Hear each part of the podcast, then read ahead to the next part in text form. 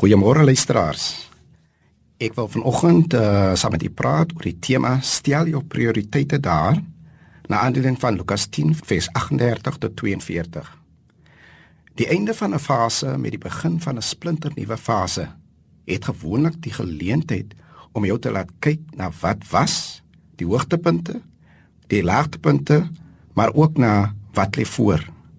Dan stel jy jou gewoonlik weer 'n paar nuwe prioriteite op soos 'n nuwe jaarsvoorneme met nuwe prioriteite. Dit help om te verstaan wat die woord prioriteite beteken en inhou.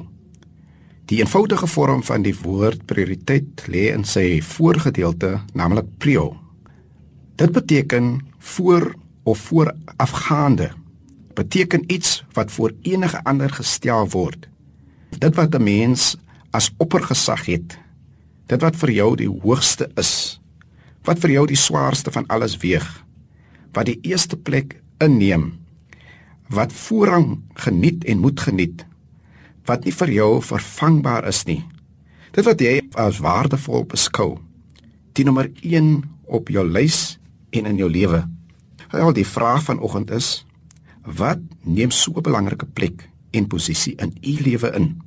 Wie of wat het soveel waarde dat dit uh, vir jou nie vervangbaar is met nommer 2 nie. Sê vanoggend moet gevra word om aan te kondig of om neer te skryf die prioriteit nommer 1 in jou lewe. Ek wonder, wat sal jou nommer 1 wees?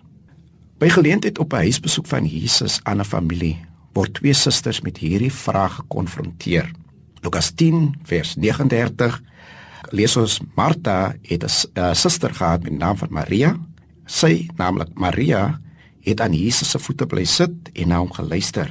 Maar Martha was besig met die huishouding, met kos, met die kombuis, met die tydelike dinge. En dan wanneer sy daaroor klaar en vir Jesus vra, "Geen nie omdat my suster my help nie."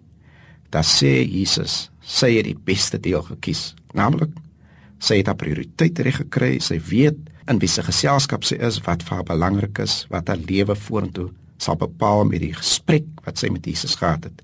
Hy het die vredefors en die raadsman. Maria se prioriteit was in plek. Jesus het vir haar eerste gekom. En dit glo ek het alles vorentoe in haar lewe beteken. Vraag vir oggend, wat is eerste op u lys? Die Here help u.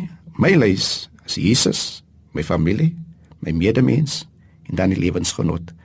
Geseënde dag vir u.